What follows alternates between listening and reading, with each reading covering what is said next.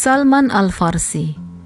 This is a story of a seeker of truth, the story of Salman the Persian, gleaned to begin with from his own words. I grew up in the town of Isfahan in Persia, in the village of Jayan. My father was the dehqon or chief of the village. He was the richest person there and had the biggest house. Since I was a child, my father loved me more than he loved any other. As time went by, his love for me became so strong and overpowering that he feared to lose me or have anything happen to me. So he kept me at home, a veritable prisoner, in the same way that young girls were kept. I became devoted to Magian religion so much so that I attained the position of custodian of the fire which we worshipped. My duty was to see that the flames of the fire remained burning and that I did not go out for a single hour, day or night. My father had a vast estate which yielded an abundant supply of crops. He himself looked after the estate and the harvest. One day he was very busy with the duties as dehqon in the village and he said to me, My son, as you see, I'm too busy to go out to the estate now. Go and look after matters there for me today. On my way to, es- to the estate, I passed a Christian church, and the voices at prayer attracted my attention. I did not know anything about Christianity or about the followers of any other religion. Throughout the time, my father kept me in the house away from people.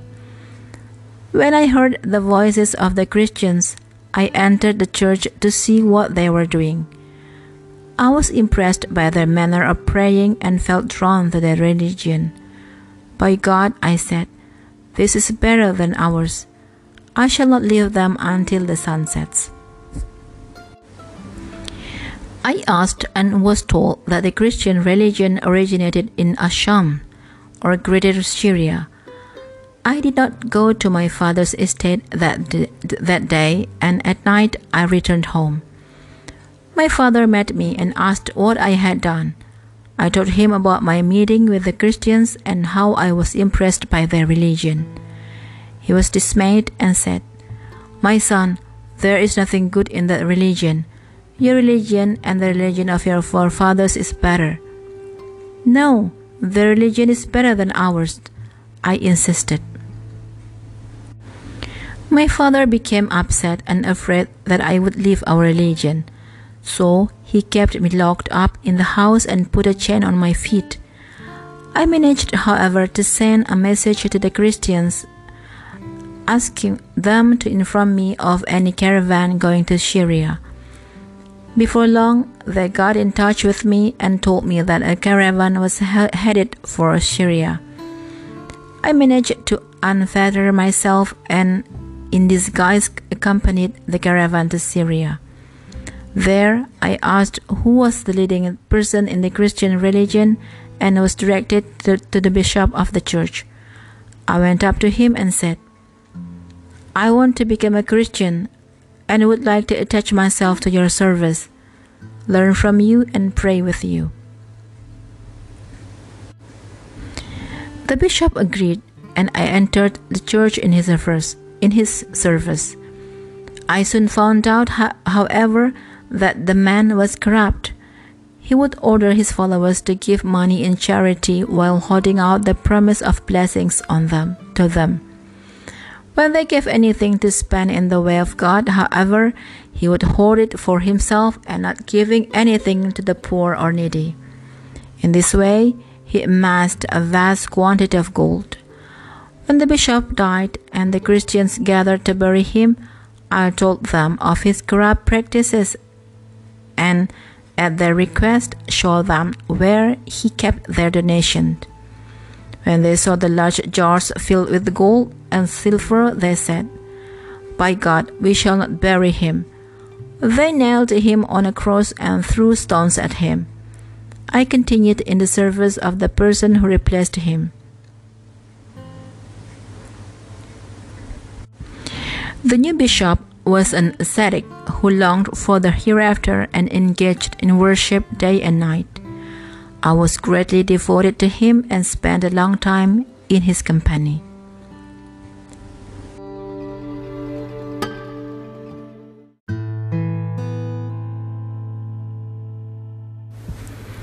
After his death, Salman attached himself to various Christian religious figures in Mosul, Nisibis, and elsewhere.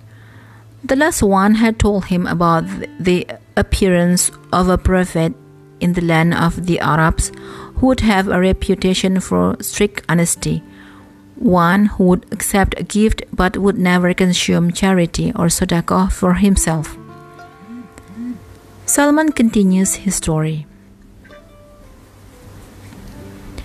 A group of Arab leaders from the Kalb tribe passed through Amuriya, and I asked them to take me with them to the land of the Arabs and return for whatever money I had.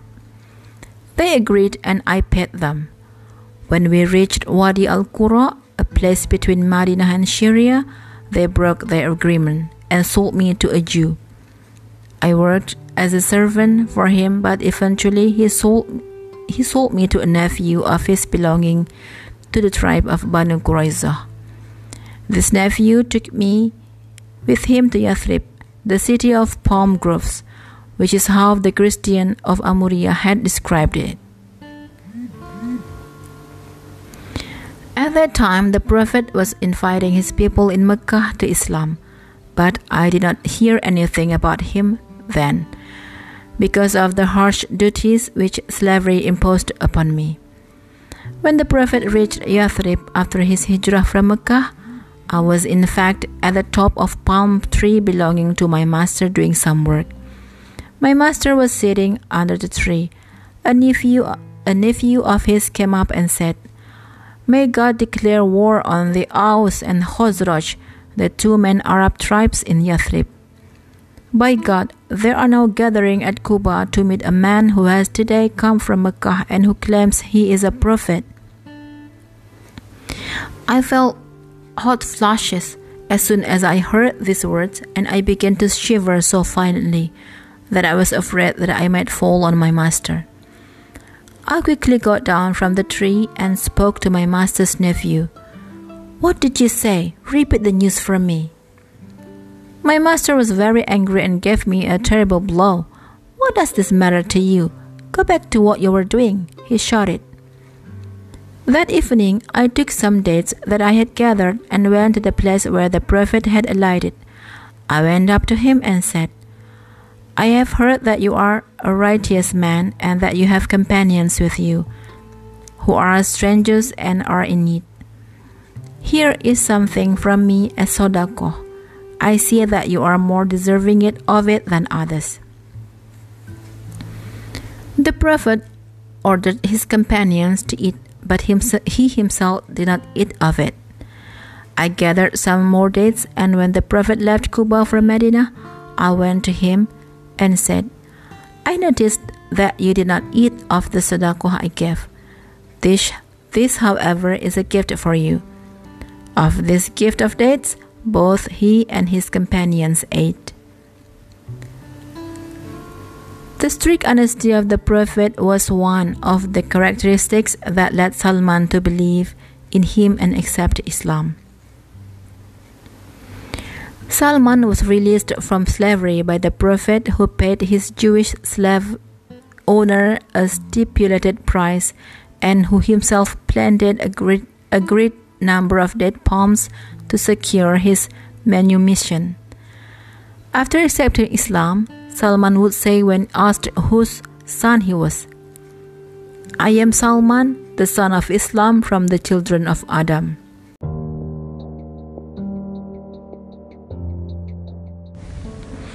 Salman was to play an important role in the struggles of the growing Muslim state. At the Battle of Khandaq, he proved to be an innovator in military strategy. He suggested digging a ditch or khandaq around Medina to keep the Quraysh army at bay. When Abu Sufyan, the leader of the Meccans, saw the ditch, he said, This stratagem has not been employed by the Arabs before. Salman became known as Salman the Good. He was a scholar who lived a rough and ascetic life. He had one cloak which he wore and on which he slept. He would not seek the shelter or a roof, but stayed under a tree or against a wall.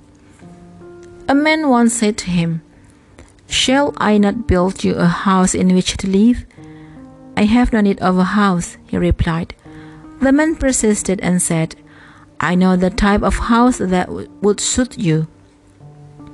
Describe it to me, said Salman. I shall build you a house which, if you stand up in it, its roof will hurt your head, and if stretch your legs, the wall will, will hurt them. Later, as the governor of Al Madain or Ctesiphon near Baghdad, Salman received a stipend of 5,000 dirhams. This he would distribute as sadaqah. He lived from the work of his own hands. When some people came to Madain, and saw him working in the palm groves, they said, You are the Amir here, and your sustenance is and your sustenance is guaranteed, and you do this work. I like to eat from the work of mine, my own hands, he replied.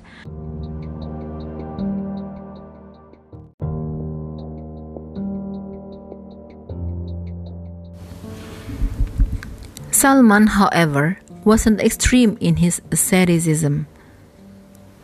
It is related that he once visited Abu Darda, with whom the Prophet has, had joined him in brotherhood. He found Abu Darda's wife in a miserable state and he asked, What is the matter with you? Your brother has no need of anything in this world, she replied. When Abu Darda came, he welcomed Salman and gave him food. Salman told him to eat, but Abu Darda said, I'm fasting. I swear to you that I shall not eat until you eat also. Salman spent the night there as well. During the night, Abu Darda got up, but Salman got hold of him and said, O Abu Darda, your Lord has a right over you. Your family has a right over you, and your body has a right over you. Give to each uh, its due. In the morning, they prayed together and then went out to meet the Prophet, peace be upon him. The Prophet supported Salman in what he had said. As a scholar, Salman was noted for his vast knowledge and wisdom. Ali said of him that he was like Luqman the wise. And Kab al Ahbar said, Salman is stuffed with knowledge and wisdom, an ocean that does not dry up. Salman had knowledge of both the Christian scriptures and the Quran. In addition, in addition to his earlier knowledge of the Zoroastrian religion. Salman, in fact, translated parts of the Quran into Persian during the lifetime of the Prophet. He was thus the first person to translate the Quran into a foreign language.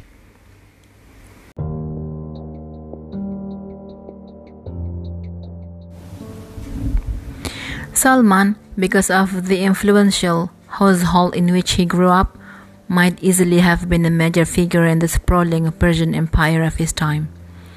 His search for truth, however, led him even before the Prophet had appeared, to renounce a comfortable and affluent life and even to suffer the indignities of slavery. According to the most reliable account, he died in the year 35 after the Hijrah, during the Caliphate of Uthman at Ctesiphon.